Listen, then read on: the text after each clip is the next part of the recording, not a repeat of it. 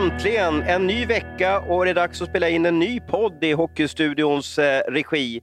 Idag har vi ett temaprogram, eller fokusprogram. Eh, vi tycker att vi hittills varit lite för dåliga på Hockeyallsvenskan, så det blir mycket Hockeyallsvenskan i den här podden.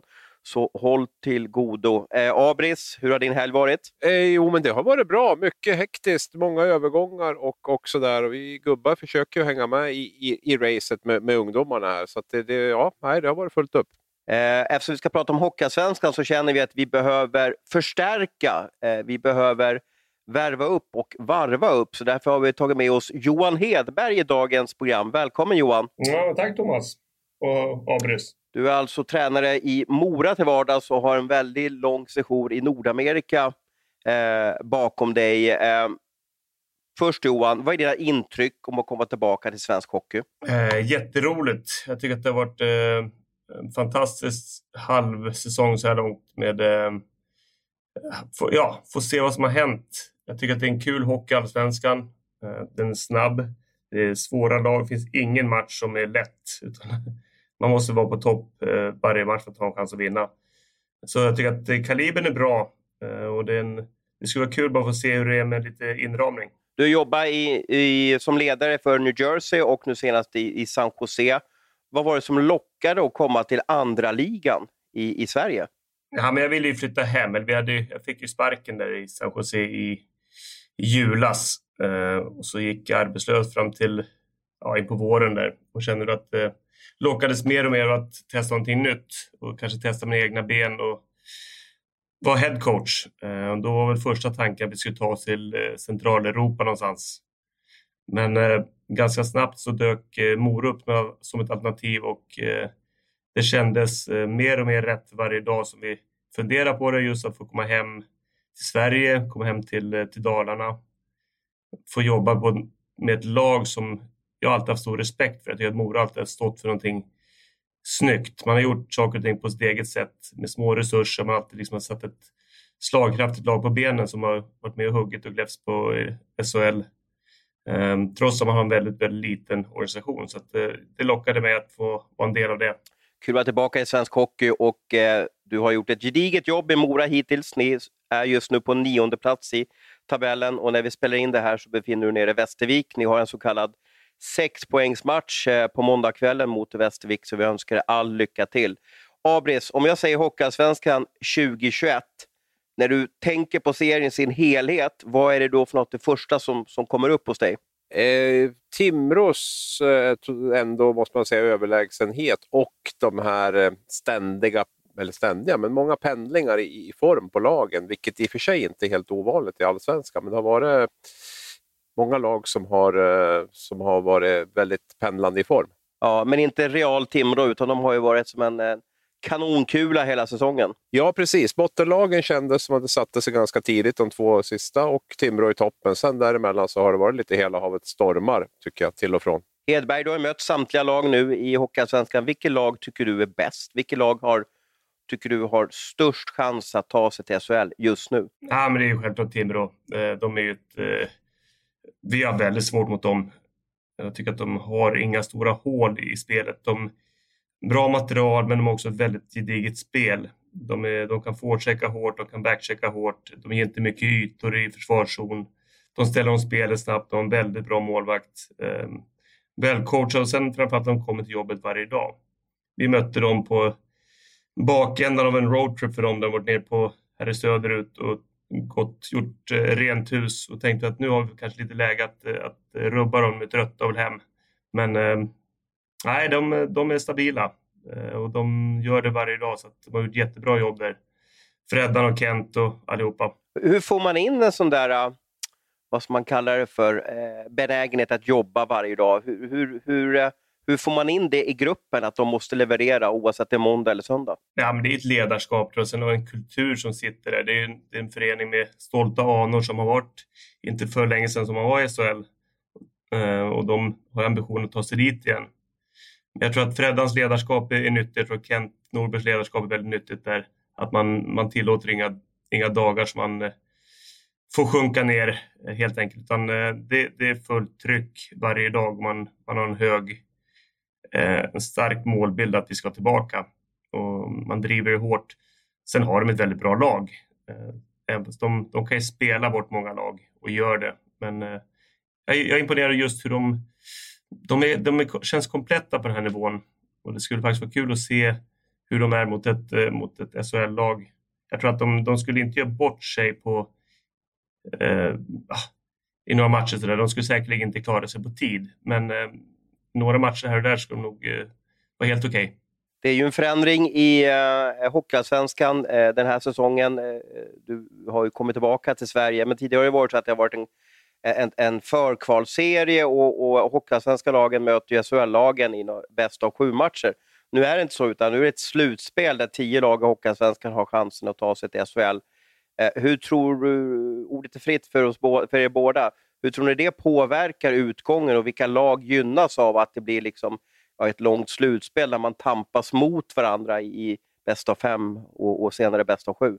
Ja, ska jag börja där? Det, det, det, känns väl kanske inte som att det gynnar lag 1 på något sätt. Eh, lag 1 hade väl kanske ändå, topplagen hade väl ändå en större större chans tycker jag med det här, med det här tidigare systemet. Eh, samtidigt har vi ju sett, nu är det första gången här, men i SHL-slutspelet så har det varit topp tre som har gjort upp om, om SM-guldet och det återstår väl att se om det, om det blir samma här. Men det känns kanske lite grann som att det öppnar upp lite för någon, någon underdog som har allt att vinna.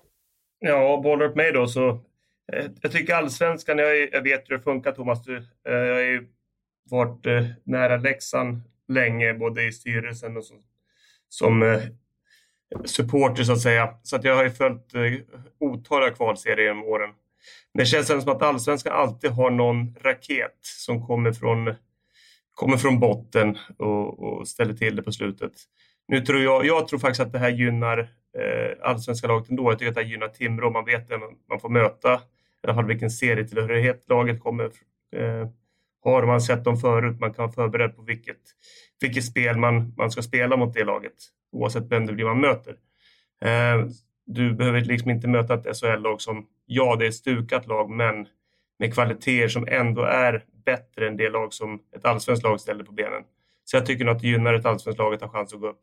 Jag tänker lite så här att allsvenska lagen har alltid slagit underläge när man har mött de här SHL-lagen på något sätt. Man har allt att vinna och sådär. Nu känns det ju som att nu har ju topplagen kanske i Hockeyallsvenskan egentligen allt att förlora den här gången. Så att det, man kan vrida och vända på det hur som helst, men det kommer att bli, det kommer att bli annorlunda i alla fall. Men, men Hedberg, om, om ni skulle möta, vi säger att ni möter Timrå i, i en kvartsfinal uh, i det här slutspelet och ni får möta dem sju matcher.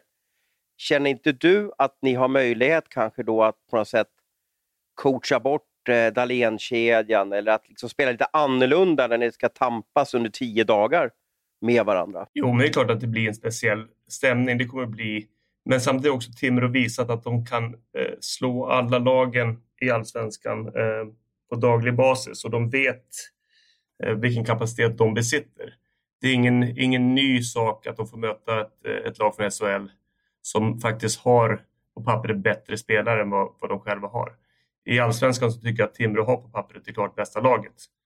De har mest eh, rutin, mest spets eh, och så vidare. Så att, eh, men sen ska man leva upp till förväntningarna och det är ju, det är ju där som det svåra ligger. Att, man, att vara den som alla vill slå. Det är klart att det är ett lag som Karlskoga som har varit och nosat i många, många år på att ett lag ska ta sig upp kommer närmare var, varje gång. Och de har ju också gått väldigt starkt här på halva, andra halvan och halvan så att säga på säsongen. Så det är klart att det är ett farligt lag. Sen när AIK kommer, eh, växer och växer. Eh, det finns en hel del lag som, som lurar i vassen, så det är ingen, inte lätt. Men jag tycker ändå att, eh, mm, att de har nog en, en större chans att gå upp sånt här år än om man skulle möta ett SHL-lag. Största överraskningen då pojkar, Abris du får börja. Vilket lag är det som du säger mest wow över när du, har, när du ser tabellen och resultaten? Vilken är det som du tycker har chockat expertisen? Jag tittar jag på topp 6 nu och minns mitt tips från i, i, i höstas så är det väl egentligen så då är väl Västervik möjligtvis som är någon plats högre än det jag hade. Men jag tror de andra fem hade jag nog topp sex där. Så det är, eh, ja, det börjar att bli ungefär som, som man hade förväntat sig. Så, ja, det, är väl, det är väl Västervik då möjligtvis som, som eh, och sen Karlskoga tvåa, men det är en haltande tabell också så att de kanske inte riktigt är, är tvåa när Björklöven har spelat ikapp där. Och vad är det med Västervik, eh, Hedberg? Förklara, vad är det som gör att de, de är så svårspelade och att de de knappt släpper till några målchanser för motståndarna. Jag tycker att de har väldigt bra struktur i sitt spel. De är välcoachade. De, är, ja, de spelar en tight defensiv, men sen har vi väldigt stora forwards upplever jag. De är tunga i anfallszon, de är svåra att få stopp på. Eh, vi har haft väldigt tuffa matcher mot Västervik. De har vunnit två, vi har vunnit en så här långt. Och eh, just deras tyngd tycker jag anfallszon är någonting som vi har haft svårt för. Eh, men just de, de släpper inte till några bra målvaktsspel, de ger bra förutsättningar för, för målvakten att vara bra. Eh, det är alltid en tight match. Så att, nej, de, jag skulle också säga Västervik, att det, jag, nu är inte jag dunderkoll innan jag kom hit på serien givetvis. Men eh, det är väl ett lag som historiskt sett kanske inte har varit det vassaste allsvenska laget på, under tid. Men de, de är bra. Lika Tingsryd tycker jag också. Svårspelade, eh, strukturerade, släpper inte till mycket utan man, man får kämpa varje meter. Vi måste väl också nämna AIK som inledde, inledde årets serie precis som de spelade hela, hela fjolårets serie då, katastro, katastrofalt. Och nu har de 11 matcher i rad med poäng och de har gjort livet surt för Björklöven eh, och Timrå på slutet här. V vad är det som har hänt med AIK? Eh, är det bara en ny tränare, lugn och ro och, och och, och, eller vad är det som har skett i laget? Ja, alltså det kan man, ja, vi kan börja med Johan där. Alltså, han har ju ändå spelat mot laget några gånger. Mm. Men jag, ty jag tycker AIK är lite roligt. Jag tycker att de spelar hockey. De spelar sig över banan. De, de är ju ganska konsekventa i sitt spel. Man säger lite som Oskarshamn, att trots att de hade 16 raka förluster där, så, var man inte, så vek man inte från sin, sin tro utan de fortsatte spela sitt spel. Och det gav utdelning till slut eh, på många sätt vis. Klart att de är indragna i botten, men det, det, det trodde man väl ändå. Jag tycker att AIK också varit konsekventa. Man har inte fått panik utan man fortsätter spela sig igenom. Eh, man kommer på bred front. De är skickliga i sina urspelsfaser. Eh, och när de väl kommer de ut där utan problem så då är de väldigt farliga på, i flygande anfall. Eh, de kommer brett och de kommer med mycket fart. Så, nej, jag, jag, tycker att de, de är roliga faktiskt att spela mot. De är kul att se. Sen har de fått väldigt bra målvaktsspel där. Endre som har eh, vunnit en hel del matcher för dem. Ser du någon skillnad i, i, när Håkan Åhlund hade laget och, och, och, nu valde han att fokusera på familjen i, i Skåne och så har vi Anton Blomqvist kommit in. Eh, ser du någon skillnad eh, efter tränarförändringen? Eller? Svårt att säga. Jag, ty jag tycker nog att eh, det är nog Håkans eh, spel som, som de spelar. Och sen kanske man har blivit mer van och trygg i det. Eh, jag tycker att de, ja, de känns harmoniska. Jag tycker att de ser ut att ha kul på isen och det, det, är väldigt viktigt. Sen om det har någonting att göra med vem som står bakom bänken, det har jag ingen aning om. Men eh, när vi har mött dem så har det varit eh, kul matcher. De, eh, det är liksom inget lag som bara slänger iväg pucken och ställer upp en köttmur på blå, utan de vill spela hockey. Ja, nej, och jag hade ju AIK 3 eller 4 tror jag i tabellen. Jag kände väl när serien hade spelat 10-15 omgångar att det var väl lite, lite optimistiskt kanske. Då. Men, men forwardsidan såg ju jättebra ut inför säsongen. Sen har ju målvaktssidan överraskat väldigt positivt. Det var ju lite osäkert hur de skulle klara sig och sen har de ju haft en hel del lån också på, på backsidan där. Eh, sen tror jag att de har kommit ihop med som grupp också. De hade lite NHL-lån där i, i början och sådär. Jag tror att det är ett nytt spelsystem som har satt sig. Så det, det, har nog, eh, det har nog satt sig i grejerna allt eftersom här. Och serien är ju lång så det gäller ju att försöka ha tålamod med, med det man gör och inte bli, få panik om det inte går bra första 10-15 omgångar. Man har ju sett det också de senaste åren, att eh, du var inne på det Hedberg i början av den här podden, att de här lagen som hittar en formtopp i februari och även i mars, så får en kurva som är liksom brant stigande. De blir väldigt farliga när de här viktiga matcherna ska spelas efter grundserien. Man kommer in med en sån vinnande känsla och trend och, och, och sådär. Så det gör ju att, eh, jag vet 17 om något lag verkligen kommer vilja välja AIK. Det är ju så att man, lag 1, 2, 3, 4 då, får ju välja eh, motståndare i kvartsfinalen. Och AIK för mig borde vara sånt där lag som man känner att nej, men de vill vi inte ha för att de är så, så heta just nu. Ja, så är det. Men jag tror att det kommer att visa sig vilka som är den raketen på slutet. Vem känns hetast för, för stunden? Vem är det som Leksand har varit när man kommit från ett, eh, sista placering? Vem, vilket är det laget som liksom kommer underifrån och liksom är vi mot världen-känslan? Um, det är nog det lag man vill undvika. Sen tror jag att eh, Timrå eh, gärna spelar mot lag som är strukturerade också så att de, de vet lite vad de ska få för någonting. Um, för de, de själva är väldigt strukturerade och eh, kan de flesta dagar spela bort ett lag med större skicklighet för att de, de, inte, de går inte bort sig på egen hand utan du måste förtjäna din is mot Timrå också. Och är du då inte lika skicklig man i man-man-spelet eller varje man i andra laget är bättre än dina, då, då blir det svårt. Eh, andra sidan, eh, vilket lag tycker ni har överraskat eh, mest negativt hittills? Ja, men det går ju inte att komma runt Modo. Nu hade jag tippat dem långt ner. Sjunde plats har jag för mig att jag tippar Modo på. Så att, så att, eh, men att de skulle vara tolva eh, trodde jag väl kanske inte, även om jag var väldigt skeptisk till, till deras säsong. Vad har du för känsla när du möter dem, Johan? Eh, Hasse har ju rätt. Klart att Modo är, och det är synd. Vi var ju uppe där alldeles nyss och man ser den arenan och den miljön och det, den historiken som finns där så är det synd att man inte har ett SHL-lag där. Eh, nu tycker väl jag att de har haft en hel del rör, röriga säsonger här. Och då, jag drar en parallell med, med Leksand som jag har följt noga och känns som att det är mycket ganska lika. Det verkar vara en hel del olika eh, viljor som styr, har lite egna agendor. Um, så att, uh, ja, men, eh, men samtidigt de också det här läget som att ingen tror på dem, allting går snett. Det är kanske det laget som kommer in på tionde platsen och får flytet och liksom drar iväg. Vem vet? Man, ingen är liksom borträknad i den här serien. Det är så pass många lag som går till slutspel. Vad saknar de i spelet då, på isen? Vad, vad känner du där när du har coachat mot dem? Nej, men det har varit strukturen i spel, spelidén. Att, uh, man vet vad, vad, vad gör vi för någonting? Vad, hur försöker vi spela? Vad, vad står vi för? Och där tycker jag att det har varit svårt att se linjer i deras spel. Nu har de bytt uh, tränare igen. Och det kan givetvis hjälpa med någon, en ny röst som kanske drar upp. Och föränd, små förändringar här och där kan också få stora, stora förändringar i, i långa loppet. Så att, eh, ja, det, det, blir kul att se. Jag tror inte att de kommer lika lätta att tas med nu. På, de har fått in en hel del nytt folk. Gott och ont, det vet vi inte än. Men eh, den här ryssen har ju sett borta i NHL. Så att han har ju han har bevisligen en hel del talang. Så att, eh, får de ihop det så, så är de nog inte ofarliga. Många lag, Björklöven, eh, Timrå nu eh, och även Modo har ju öst in spelare under januari här och, och, och halva februari. Eh, Mora har legat väldigt lågt. Varför gör du det? Varför trycker inte in eh, någon, och försöker få någon turboeffekt mot slutet här? Nej, vi har nog inte ekonomin för det. Eh, utan, eh, vi måste mätta munnen efter den matsäck vi har. Eh, det, det, jag tycker inte att man ska eh, chansa en hel en hel förenings eh, överlevnad för att eh, vinna en hockeymatch utan jag tycker att vi har ett bra nog papper på, eh, lagpapper för att kunna tävla med det vi gör. Och sen har vi i och för sig, nu har vi också tagit in folk. Vi har haft en enormt manfall på vår backsida så att det har ju kommit in lite folk till oss också. Men eh, vi har inte gått ut och värvat för att vi har inga pengar att värva för. Nej, nej. Eh, förresten, i Mora, hur pratar man om, inom hur många år ska man vara ett SHL-lag igen? Vad, vad, finns det för vision i klubben? Nej, men vi har snackat om att det, det är en, eh, en treårsplan.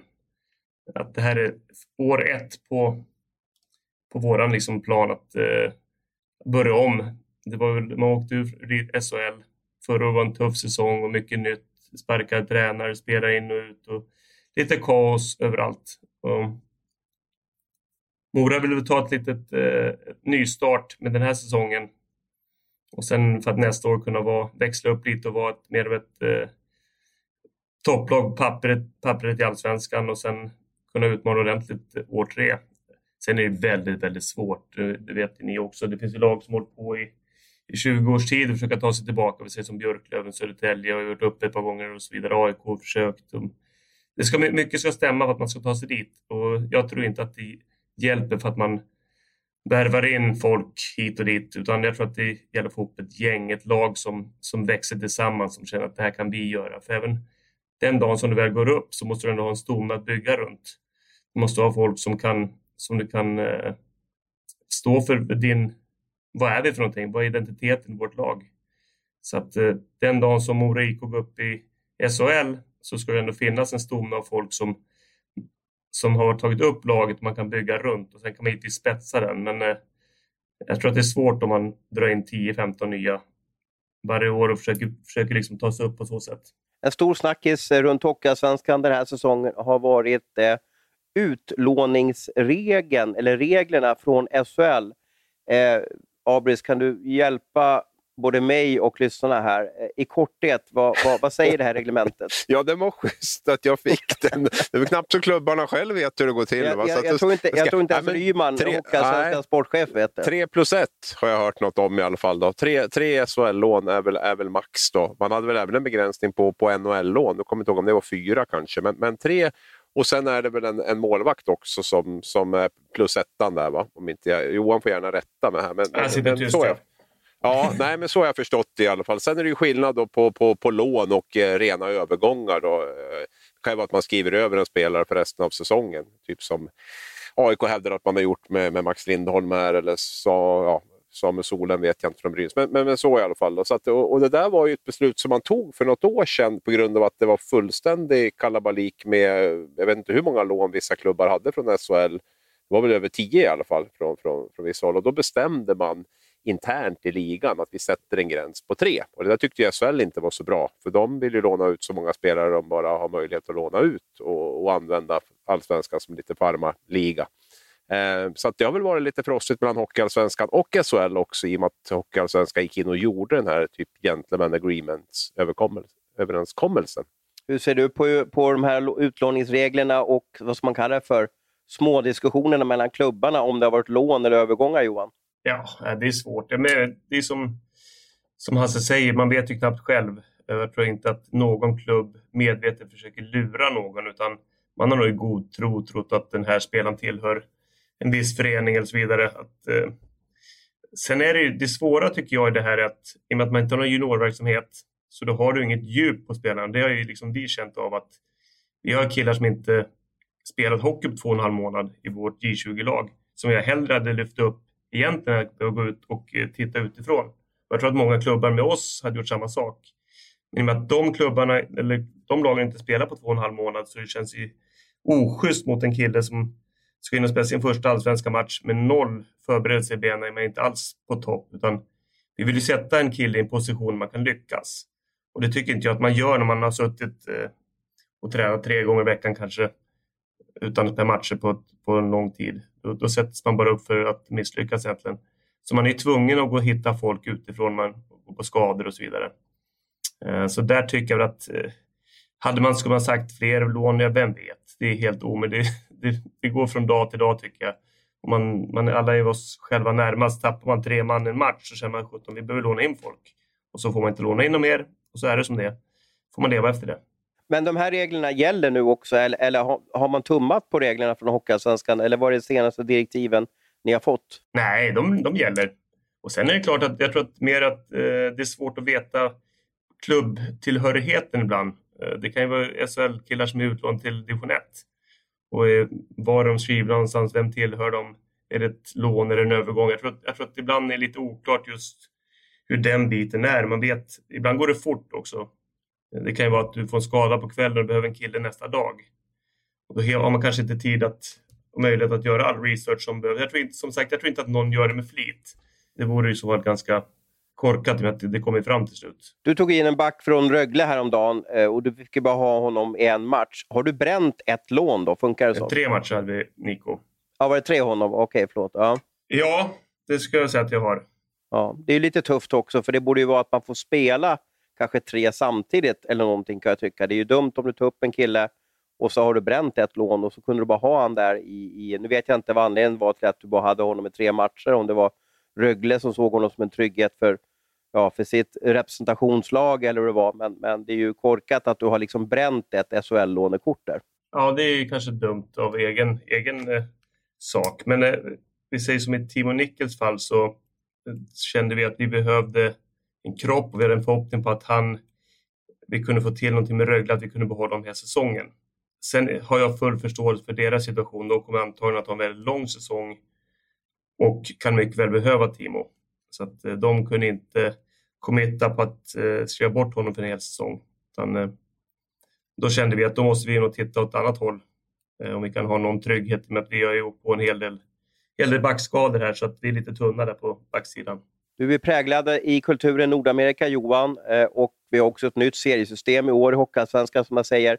Är det inte dags för att vi närmar oss systemet i Nordamerika med, med ett, eh, en stor organisation, SHL, NHL, och så har man en underorganisation i American Hockey League eller Hockeyallsvenskan. Och sen har man större samarbeten mellan klubbarna. För nu så konkurrerar man ju inte på samma sätt som när man kunde mötas i ett kvalspel i slutet av säsongen. Skulle inte det gynna svensk hockey? Eller? Jag vet inte. Jag tycker på något sätt så skärm med svensk idrott är att eh, man kan komma från ingenstans, att den lilla kan lyckas. Och det är det som... Eh, ni snackar ju mer om, om bottenstriden än om toppstriden eh, varje gång ni har en podd. Så att, det är fascinerande vem som liksom hänger på strecket och vem som ska gå upp och vem som ska åka ner.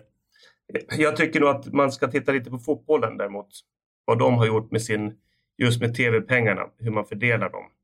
Så att det blir en lite mer rättvis fördelning. Det, det, som, det som är tråkigt med svensk hockey tycker jag är att du riskerar så otroligt mycket på att eh, tappa din, din serietillhörighet. Um, skulle man ha en lite större rättvisare fördelning av tv-pengarna så tror jag att man kanske inte behöver gå...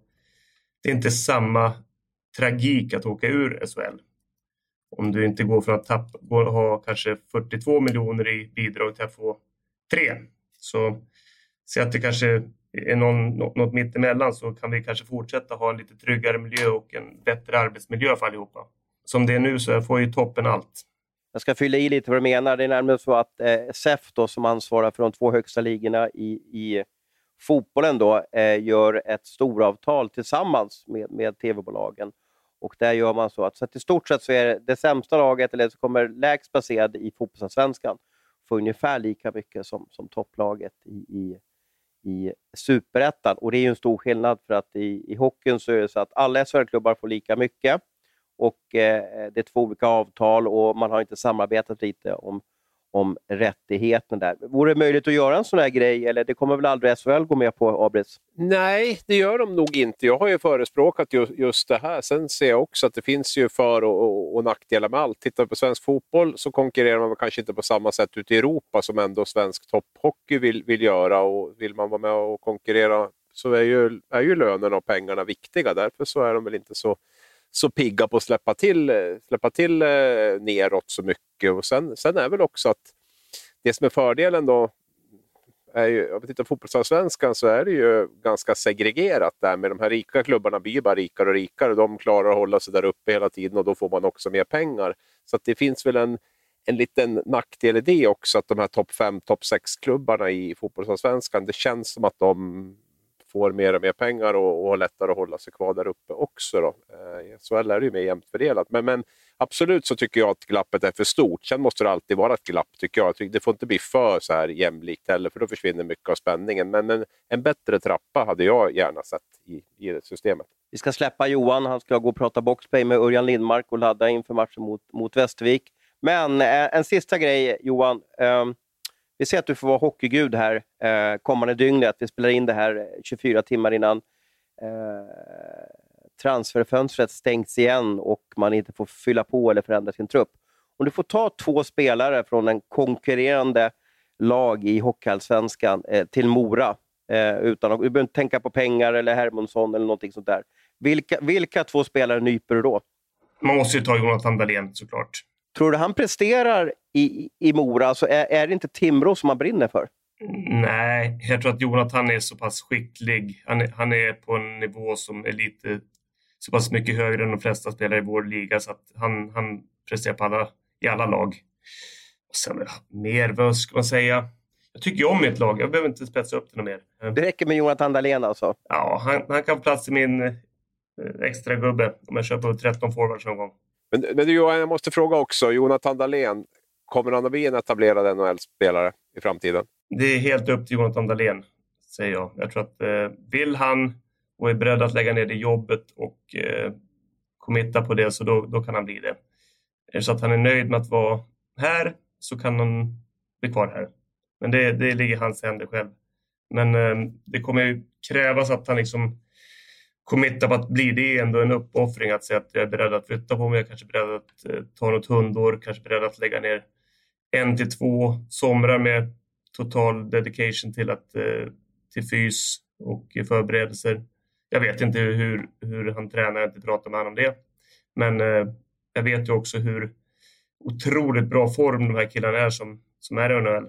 Eh, och ska du kunna tävla på en topp två linjeposition, för den skickligheten har han, så måste du ha en fysik som går där med också. Och, och Jonathan är ju en, en mindre kille. Han är inte, så att då måste du kunna ha kvickheten, balansen, styrkan för att orka med 82 matcher på, som en mindre, mindre spelare. Ja, han är trevlig Hedberg-pojken. Eh, tror att eh, vi får se honom i SHL som tränare framöver eller är han sugen på att göra ett nytt försök i, i Nordamerika? Jag får väl spinna vidare på hans svar om, om Dahlén här. Det handlar väl väldigt mycket om vad han själv vill och vad han själv är beredd att, att, att lägga ner i det där. Jag tvivlar inte på att han kan nå både SHL och eventuellt återvända till NHL igen om, om han väljer att och, uh, satsa på tränaryrket. Han är extremt noggrann och ambitiös och eh, lägger ner mycket tid på, på det han gör.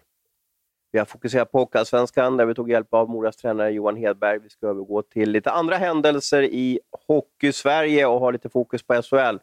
Det har eh, smällt till rejält eh, eh, med övergångsbomber den här helgen. Vi hade I fredags kom det uppgifter om att Ted Brithén bryter med Davos, och eh, fel med Bern och återvänder till Rögle. Och sedan har vi eh, på söndagskvällen eh, Per Lindholm som kände att eh, NHL-livet och livet på NHL-hotellen kanske inte var så, så glamoröst, så han har valt att eh, bli uppsatt på waiver. han ska vara ett dygn och sen kommer han återvända till Skellefteå. Det här är väl en mumma för en övergångsälskare som, som, som, som du? Ja, det är ju inte så ofta vi har den digniteten på, på, på nyförvärv eh, så här timmarna innan transferfönstret stänger, eller dagarna innan i alla fall. Ehm, så det, det, är ovanligt och att två, två så, ehm, vad ska jag säga då, som, som verkligen brinner för sina klubbar också kommer hem på det här sättet gör ju att det känns, känns extra bra. Ehm, Sen finns det väl säkert många som funderar över det här med hur, hur har de råd att värva de här spelarna nu? Och, eh, jag tror den stora förklaringen är att de spelar väldigt, väldigt billigt här nu första året. Eh, den här säsongen naturligtvis, men även nästa säsong. Och sen att man har ett baktungt kontrakt där, där, eh, där man får eh, de, stora pengarna i, när man då förhoppningsvis allt har återgått till det normala igen. Men eh, jättekul att de, eh, att de återvänder i alla fall vi kan väl börja diskutera lite det här. Om vi pratar om eh, eh, Skellefteå då, som får eh, Per Lindholm tillbaka. Eh, han var ju OS-center 2018 eh, och valde sen efter den säsongen att spendera nästan tre år i, i Nordamerika.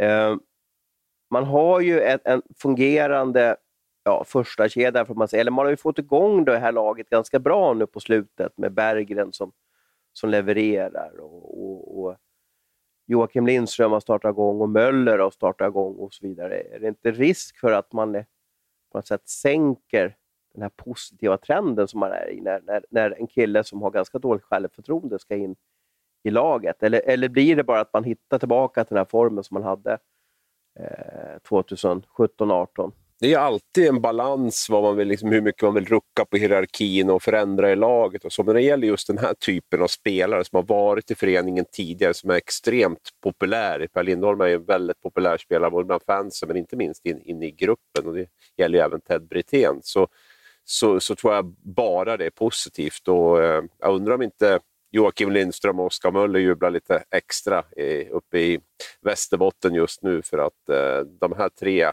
bildade ju en, en grym kedja då var väl i princip vår första kedja i OS där också. Så att, eh, nej, jag tror jag har svårt att se att de inte sätter ihop de här tre. Och sen hade man, har man väl en landslagskedja i princip med Wingeli, Berggren och, och Frödén också där. Så att, eh, det börjar bli, bli ett rejält powerhouse där uppe i, i Västerbotten. Mm, man körde det som första kedja både i Skellefteå och som du säger landslaget här med 10 Lindström, 17 Lindholm, 45 Möller och sen var ju Pudas, eller Podas var bakom dem på backen där. Så det var en riktigt bra femma de har. Eh, och så. Om vi går över till Ted Brithén då, och Rögle, det är lite samma sak där också. Ganska trångt på forwardsidan eh, och väldigt många duktiga hockeyspelare där. Är det samma, bara in och det kommer funka jättebra, eller ser du, ser du någon fundering på vad som kan ske i Rögle? Nej, jag är väl kanske vakna på den positiva sidan idag, men jag, jag, jag ser inte det. utan jag, Rögle är ju ett fungerande maskineri där Ted Brithén har varit en viktig bit under, under ett par år. Eh, varit borta en stund nu men kommer tillbaks igen. För mig känns det som att det blir en väldigt kort inkörningsperiod där, trots allt. Va? Sen, sen tar det väl alltid lite lite tid. Man får fundera lite grann runt, runt uh, hur, man, hur man ska sätta ihop kedjorna och sådär. Men, men uh, vi vet ju att Sar, Brithén, Bristedt var en ja, det var väl kanske SHLs bästa kedja stort sett när, när de var skadade. När alla kunde spela. Men nu är ju nästan Everberg, Ryfors, Sar en av de bästa, mm. bättre kedjorna. Ska ja. man spräcka den eller hur har du gjort om det vore The Abbots? Ja, jag hade nog... Uh, i alla fall, jag hade nog testat i alla fall Brithén, Sar och eh, Bristedt igen om Bristedt nu är, är fräsch och hel och, och sådär. För att eh, det finns, eh, det, finns, men det finns ju andra spelare också att spela med. Det är Tambellini och Everberg och, och, och sådär. Så att det, det, Sjögren har det som, som kan spela center, Ryfors naturligtvis. Så att det, det finns, alltså det är angenäma problem. Jag tror inte vi ska skapa ett problem av något som ändå är ganska angenämt. Jag ska, jag ska namnge Rögles centrar just nu. Det mm. finns säkert någon mer som kan spela center där. Men just nu så har de i alla fall de här riktigt utpräglade centren som har Ted Brithén, Simon Ryfors, Mattias Sjögren, Adam Tambellini och Brady Ferguson. Uh, det är ganska bra klass på dem. Ja, absolut. Nej, men, men, men så är det ju. Det är inget, det är inget snack om det. Och, eh, både både Ferguson och Tambellini kan ju spela, kan ju spela ytterforwards också. Så att det är, Erik Andersson kan spela center. Så det, finns, det finns väldigt många olika alternativ. Sen är det ju alltid en, en skadebild i de där lagen. Det händer ju alltid med lite skador och så, så jag tror att det, det, är bara, bara positivt om man nu har den möjligheten som Rögle har och, och få hem Brithén också. Så, så, eh, så tror jag inte, tror jag bara positiv påverkan faktiskt. Det finns många anledningar till att man väljer att, att byta jobb eller byta arbetsmiljö eller, eller, lämna, lämna en ort och så vidare. Så att, eh eh, eh, eh, och Det har inte vi full insyn i när det handlar om Ted Brithén och Per Lindholm. Men är det någon av de här två som du kanske är lite mer, mer förvånad eh, över att de väljer att, att liksom lämna en miljö som man ser som lite bättre och roligare än SHL och, och liksom åka hem. För båda två åker hem, kanske låter tufft, men, men lite med, med, med, svansen mellan benen. Ja, jag är förvånad på båda två. Inte minst Per Lindholm, där man handlar en del, måste ju ha gett upp ganska stora pengar känns det som för att, eh, för att resa hem. Jag vet inte vad han har, 800 000 kanske på ett envägskontrakt. 800 000 dollar då, ska vi säga. Ehm, förlorar man hälften av det så är det ju, är det ju 4 miljoner. Då. Men, ehm, så det, jag är förvånad. Och eh, sen att Brithén lämnar Bern trodde man ju inte heller. Eh, nu är ju Bern i en speciell situation, ligger sist i, i ligan där och, och, och har ju inget att spela för egentligen. Så det gör väl också att man eh, är lite mer villig att hoppa ut spelare och, och satsa på nästa år. Men nej, jag är förvånad på båda två. Det brukar inte komma hem den här typen av spelare. Det man ska veta också med Lindholm där, och jag satte mig in lite i, i hans situation, det var ju att han han är ju fast i Boston. De har säkert förklarat för honom hur, hur han, de ser på honom. Eh, han sitter i det som är någon typ av taxi squad. Jag vet inte hur man ska likna med det, något svenskt uttryck. Vi hade det på OS, vet jag, 2006 hade vi också en sån här taxi squad i Turin. Då, där det satt massa spelare där på, på läktaren och bara väntade på att någon skulle bli sjuk och skadad. Eh, och Det innebär att han är alltså inte ens med i, i AHL, om du hänger med menar, utan, utan han sitter bara på läktaren och käkar popcorn. Uh, och det måste vara en väldigt, väldigt speciell sitt. Spelat en match den här säsongen. Uh, fick sex slutspelsmatcher förra sommaren. Då. Uh, sedan dess har han knappt spelat hockey. Så, att, så att han, jag tror att han har blivit liksom, utmärglad av det här liksom, pandemihotellivet och sen får han inte spela hockey. Jag, jag, tror att det har knäckt honom. Så att han, han, han åker nog hem och struntar i pengarna och bara vill, vill få roligt i hockeylivet igen. Ja, mår man inte bra så spelar ju inte pengarna någon större roll. Det är väl lex Patrik Berglund kan man väl säga där också. Va? Så att det, man kom, kommer man till en sån punkt där man bara känner att jag, jag, jag ruttnar, jag, jag klarar inte det här längre, då, då tror jag pengarna är ganska, ganska sekundärt. När vi ändå är inne på Rögle där då, Valtteri Postinen gick ju vi ut med i, i helgen att han var högaktuell för, för, eh, för Rögle och även Luleå. Vad är senaste nytt där? Ja, vad jag fick in på, på lite röksignaler här eh, bortifrån Finland så var det ju att eh, eh HPK vill avvakta och släppa honom. Det var ju Rögle och Luleå som var heta på honom och Pittsburgh Penguins tyckte det var okej okay att han fick fortsätta i en vad som man kallar för, högpresterande miljö där, där, som gäller någonting resten av säsongen. Eh, HPK ligger ju sist då, eh, lite som Bern där i, i schweiziska ligan, så har kanske inte så mycket att fundera på att göra. Men, men HPK vill vänta till, och här är jag inte helt påläst, fyll gärna, fyll gärna i Abris, men det finns ett nytt det finns ett till Europa transfer deadline den 28 februari. Varför SHL inte har namnat det är jag lite osäker på, men det finns, Finland kan släppa spelare fram till den 28 februari. Och Då var man nog mer intresserad att hålla i ett tag till, eh, kanske för att visa god min mot sponsorer och fans. Och sen eventuellt släppa han kanske till en schweizisk toppklubb. Det går ju inte till en svensk toppklubb då, eftersom vi har stängt igen. Eh, så det var inte rätt läge var det, men, men som jag förstått det så var det väldigt nära med främst Rögle. Och det har nog att göra med att, att Rögle har börjat få ett väldigt gott rykte. Du hör det här också helt enormt. De börjar få Rögle BK då, som liksom har varit kanske ett jojo-lag. De har liksom börjat komma upp sig nu. Och nu vill NHL-klubbarna, vi har ju Detroit som placerade Moritz Seider där. Uh, nu vill NHL-klubbarna samarbeta med The Abbots och sådär. Det här kan bli väldigt intressant framöver om det här ryktet liksom fortsätter och att alla spelare blir bättre i, i, i Rögle. Det, då har de något väldigt stort på gång där i nordvästra Skåne.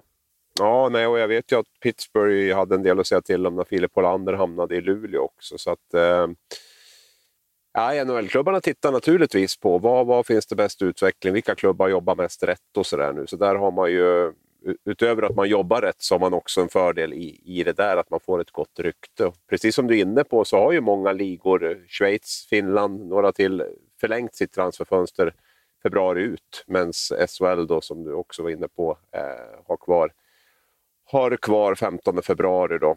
Jag vet att de hade uppe det på, på om det var ett ägarmöte i SHL eller om det var ett sportchefsmöte, skulle låta vara osagt. Men de hade uppe frågan, men då var alla överens om att vi håller fast vid den 15.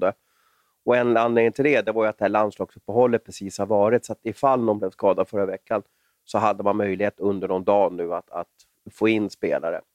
Och sen kan jag också, jag kan också gissa lite att man ville dämpa lite hetsen. Hade vi kommit fram till den 28, då är det inte lång tid kvar.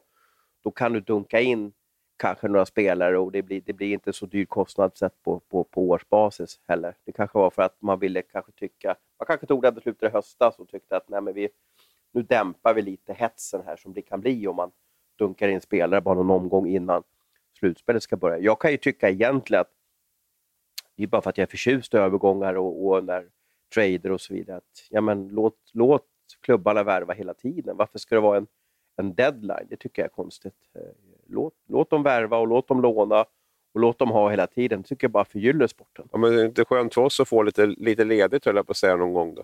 Jo, då, det, om jag ska vara e-, egoistisk så är det jätteskönt när den här, den här måndagen när vi, pan, när vi bandar del två av den här podden, när den här måndagen är över, det är ju lite så att man kan ta en kopp kaffe ikväll och titta in i brasan och, och, och tycka att ja, men, nu, nu får jag lite lugnare. Nu behöver jag inte vakna upp 06.45 och stirra på mobilen och, och, kolla på notifikationer, utan nu kan jag andas ut lite för att någon dag senare börja med silly season inför, inför nästa år. Ja. Eh, men, men jag kan tycka liksom personligen att jag, jag tycker att det, det, är roligt när det blir eh, jag tycker det är roligt när, när eh, spelare byter klubb SHL. Jag tycker det är roligt när det kommer in nya namn.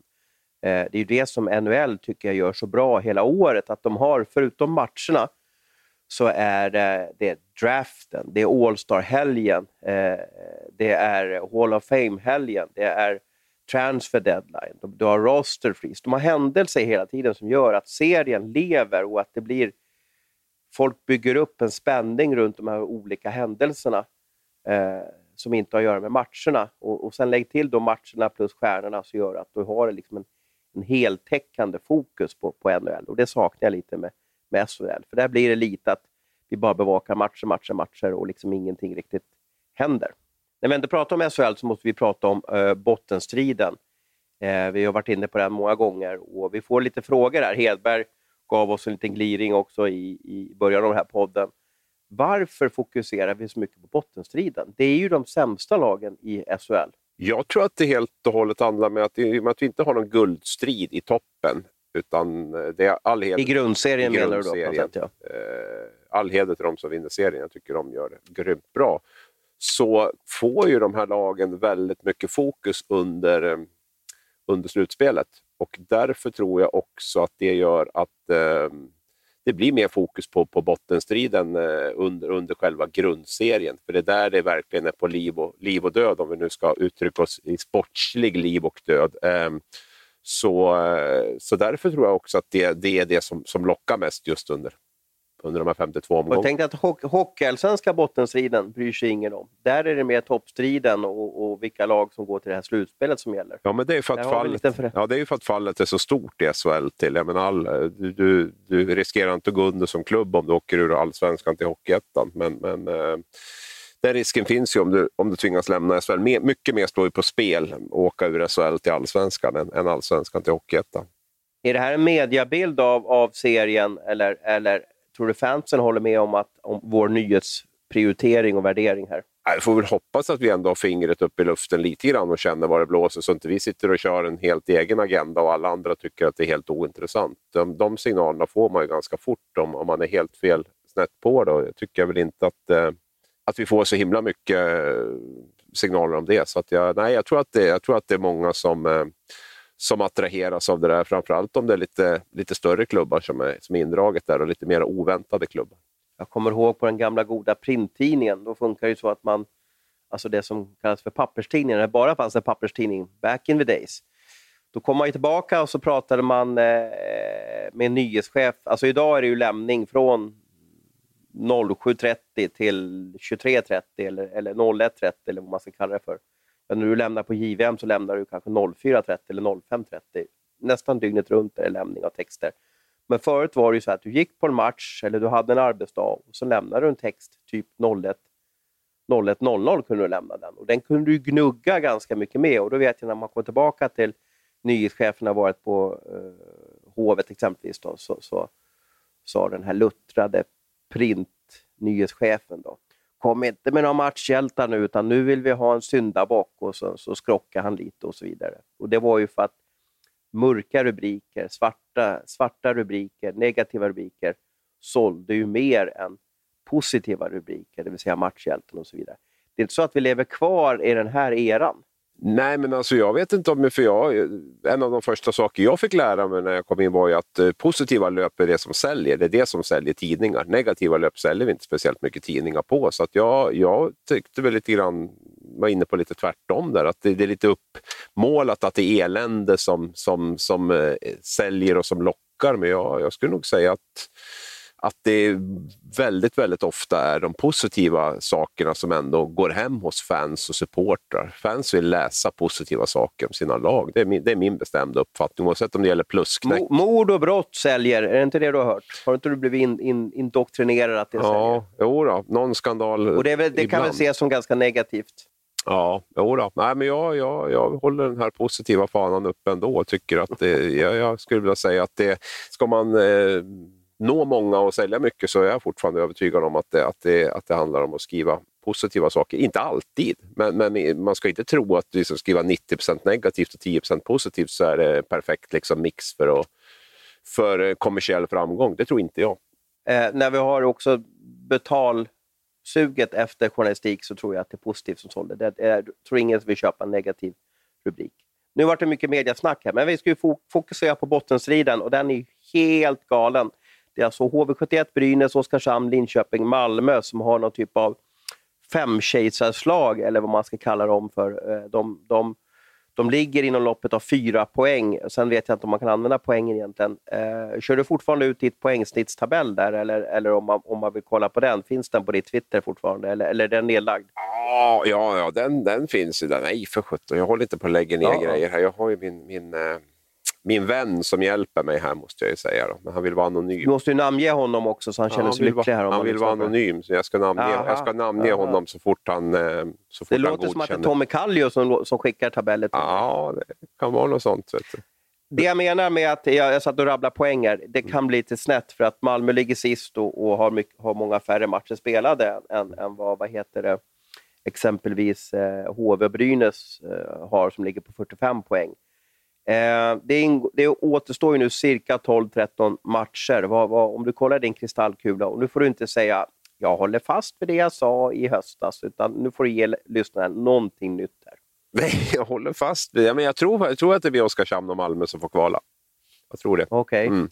Du är som en papegoja som liksom mal samma grejer hela tiden. Men jag kan inte säga fel. Jag kan inte säga fel bara för att jag ska säga något men, annat. Men du kan väl, kan, okay, kan du ändra motivering eller du att du tycker att de två lagen är, är svagast? Liksom, ja, över 52 omgångar så gjorde jag den analysen inför säsongen. Jag tycker det är, det är fortfarande min känsla att i långa loppet så, så kommer de här två att, att hamna där nere. Sen, sen tror jag ju Linköping är det, det laget som, som eh, ligger mest pyrt till av, av de övriga. Ja, du var ju på Brynäs eh, Malmö i veckan här och det som var uppseendeväckande där, det var ju att Malmö har ju tryckt in en, en del transatlanter och det har sett väldigt positivt. De fick, de fick en väldigt snabb effekt eh, på det här. Men nu, som jag tror rätt, så var Pumpel, Pempel, Pampel, Matt Pampel, hur uttalar man hans namn? Ja, men Pampel låter väl bra. Ja, ja. Eh, han vart väl bänkad på slutet om jag förstod det rätt och så var det en till nordamerikan som blev som blev bänkad. Eh, eh, är det för att de här kommer till Sverige och inte tillräckligt tränade eller vad är det som gör att de har två, two weeks in heaven och sen blir det liksom 16 weeks of hell? Ja, det ligger väl lite i det. Alltså det, är, det är en speciell liga, SHL, på gott och ont. Det, det, du, du, måste vara, du måste vara bra tränad, du måste orka åka, du måste göra din backcheck, du, du, du, ja, du måste göra de där grejerna. Annars går det som för Josh Husang i Örebro, typ. Um, då, då, då vill de inte ha kvar dig.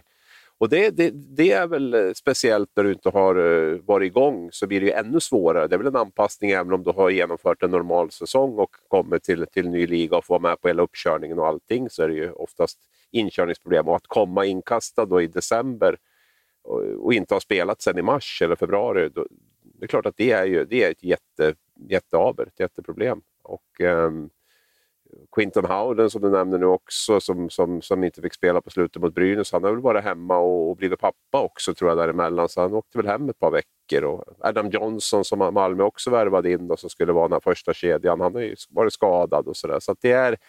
Nej, det är ju det, det är inte, det är inte optimalt då, att få in så pass många spelare som dessutom ska bära en första kedja och eh, inte ha, ha spelat på så länge. Då, då, eh, då finns det ju risk att det blir, blir problem. Du nämnde en spelare som var intressant där, för övrigt, som vi berättade om i helgen. Josh Hosang, då, som, som Örebro tyckte att det, det funkar inte, motorn finns inte där.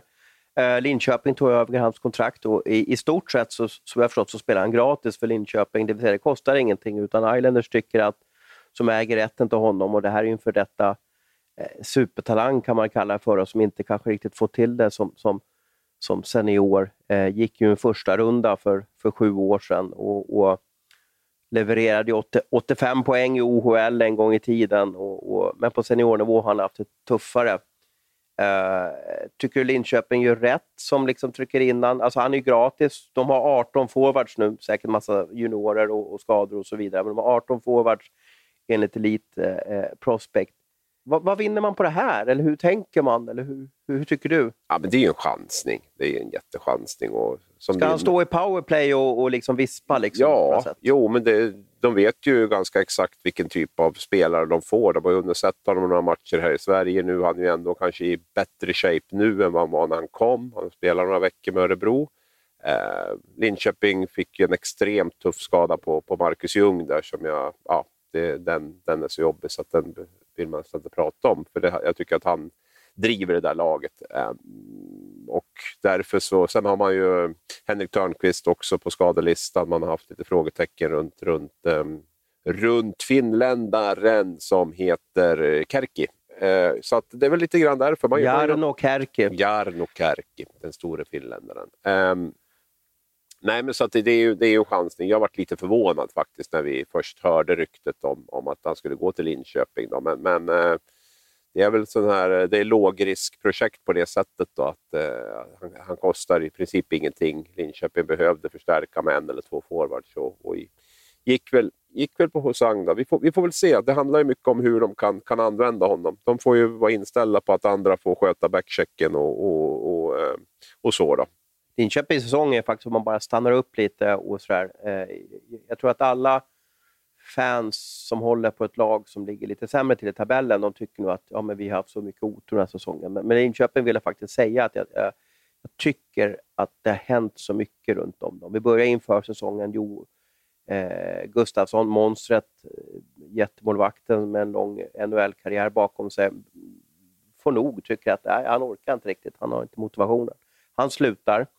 Man går bort sig också i, i, i att värva en ny målvakt, så att Rynnes får inte ihop det när han kommer in till, till Linköping. Man får en skada på en, som jag tycker är en av SHLs bästa spelare, Brock Little, som är borta hur länge som helst. Och så nu kommer Ljungsmällen eh, och så vidare. Och man har ju liksom förändrat och vridit på det här laget. In med Tyler Morley, man skickade Palve, ja, du, du, vet, liksom, alltså, det har varit så mycket rörelse ja, och du hade stök hela tiden. Första långa covid-uppehållet var i Linköping också. Det var väl 22 spelare någonting som var smittade där. Och sen fick ju Bert sparken och som var inne på Brock Little vart skadad precis när de var på väg in i en bra trend. Och så där. så att, ja, nej, de, eh, de har haft eh, turbulent. Men du, tillbaka till tabellen. Det viktigaste som vi har, det mest intressanta. Eh, vilket lag då jag försöker pressa och gnugga på det lite här. Alltså förutom, eh, du säger ju Malmö och Oskarshamn att de ska komma i den här förlorarfinalen. Finns det något lag som de liksom, skulle tro... Eller vilket lag hamnar på plats 12 då? ja, men det är Linköping. Vilken, det blir Linköping. Det är Linköping alltså? att de är de som ligger närmast att åka ur. Men det, vad säger du? Vilka kommer att få kvala? Ja, jag vet. Jag, alltså jag, jag, jag tycker ju... Senaste tiden här så, så tycker jag att alla slår alla på något sätt. Jag tycker inte att det är nästan omöjligt att tippa matcherna. Bla, ehm, bla, bla, bla. Ja, jag vet. Igen men det är så jag tycker. Jag, du pressar mig varenda program. Kom igen, eh, jag, vilka två får kvala? Ja, jo, jag kommer komma fram, att, kommer komma fram till två, två lag, men jag vill ändå göra någon typ av utläggning eller förklaring eller, eller liksom lite snack inför det. Eh, HV tycker jag att de har fått en Lillis-effekt, att de har kommit ur det hela. De har ganska bra lag på pappret också med Martinsson som monsterminuter och, och det ser, det ser liksom lugnare ut det här laget. Om de nu inte kommer i några så tre matcher med, med, utan vinst igen och så vidare. Eh, det laget som jag känner är så väldigt stökigt i, som jag nästan... Jag får nästan, eh, jag får nästan liksom magmigrän av det hela. Det är ju Brynäs. Alltså jag, jag, jag, jag tycker att det känns i hela organisationen eh, mycket märkligt och så vidare. Eh, och jag tror att kommer de på plats 13 och 14, och jag tror faktiskt att de kommer komma på en plats 13 och 14, så vet du 17 om de klarar av det. Jag hävdar att de är det laget som kanske har mest att förlora efter den här säsongen. Men jag, jag tror att det blir Brynäs och, och, och Malmö som kommer i den här eh, förlorarfinalen. Och det gör jag med för att jag tycker bara att det är mest stökigt hos dem. Eh, det är nog enda jag kan... Jag, jag, tror inte det handlar så mycket om vad man gör på isen nu faktiskt. Jag, jag tror det handlar om hur hårt du håller i klubban. Hur, hur, hur roligt du kan ha i omklädningsrummet. Hur, hur, hur gruppen har kommit samman. Jag tror att det är sådana saker som avgör. Det, är inte vad, det, vad som står på eh, hockeysedeln med antal poäng eller, eller vad som står i lönekuvertet. Det bara är hur gruppen kan orka vilja vinna och orka ha kul när man sitter på bussen till, till Karlstad eller Frölunda eller, eller, eller var det ska vara någonstans. Då. Så att så resonerar jag. Ja, men det var ju ett intressant svar och det kan man väl tycka att jag inte nämner Brynäs där heller som en kandidat. Jag vet inte riktigt, det har ju varit så mycket elände där och, och stök och bök. Det är precis som du säger, det är väldigt oroligt i hela klubben. På något sätt så lyckas de ta de där två segrarna varje gång det liksom krisar. Så man vann Oskarshamn och Örebro hemma när det var riktig kris förra gången. Nu vann man Malmö dubbelt två gånger. De där trepoängarna biter ju rätt bra, så jag tror att de kommer att, de kommer att nypa sina, sina poäng. Det, så, så, att det blir tillräckligt. Jag tror det. Mm, mm, mm. Finns det något mer som, som du tycker vi ska prata om? Eller någon händelse den här förra veckan som gör att, att, äh, att äh, som måste analyseras eller dissekeras? Vi kan väl nämna att det var en landslagsturnering i alla fall i helgen. Beijer Hockey Games i Malmö. Äh, det var ingen journalist förutom sändande bolag som var på plats, om nu det är intressant för de som lyssnar här. Då. Det är väldigt ovanligt att det är så i alla fall, men det är ju på grund av pandemin givetvis. Jag, jag tror att det kommer bli så här framöver. Jag tror att vi kommer bevaka, digitalbevaka många matcher och sådär. Och det är jättetråkigt, men, men det kanske vi får göra en specialpodd om. Nej, det blir tre veckor i Riga för dig.